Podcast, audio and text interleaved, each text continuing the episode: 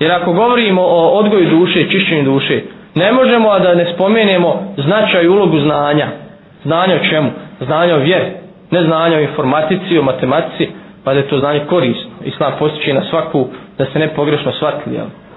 Jer vrlo često se, moram malo, malo digresiju napraviti, vrlo često se iz predavanja uzme jedna rečenca pa se tumači pogrešno ili za namirno. Uzmu ljudi, kažu ovi, pozivaju samo ahiretu.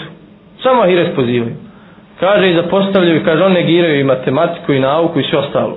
To su kaže primitivci. Primitivci.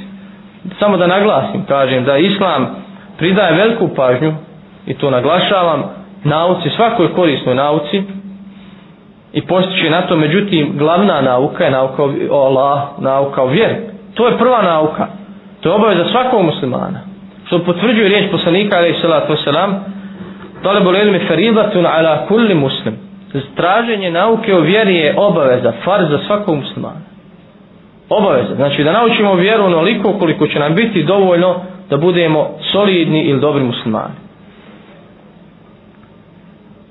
Znači ove prve generacije su, pored toga što su imale te škole fika i hadisa, imale su škole odgoja duši, jer su imali kružoke, kružoke gdje su bavile odgojem duše, gdje su iščitavali dijela, djela i šitavali su Kur'an i poslanikov hadis koji govori baš o odgoju duše i radili su praktično na tom planu zaduživali su znači taj njihov učitelj koji recimo poučavao određenu grupu oni je zaduživao šta da urade u narednoj sedmici ili u narednom mjesecu da bi doprinijeli čišćenju svoje duše i odgoju svoje duše čovjek iako treba najviše da radi on sam na sebi on ne može obstati bez zajednici bez društva ne može sam obstati mora se družiti s nekim.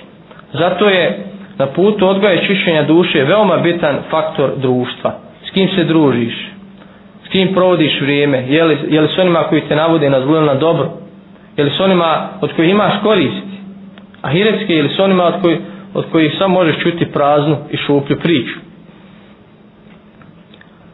E, Navešu jedan primjer e, jednog islamskog učenjaka, je li Abdurrahman ibn Ebi Hatim Ar-Razi, kaže stigao sam jedne prilike u Damask i došao kod pisara hadisa prošao sam pored Halke Kasima El Džuija kaže oko njega su sjedili ljudi kojima se on obraćao znači to je primjer ovi Halki koje su oni imali u to vrijeme kaže zadivio me taj prizor pa sam im se ja pridružio upućujući im savjet između ostalog ovaj El Šejh im je rekao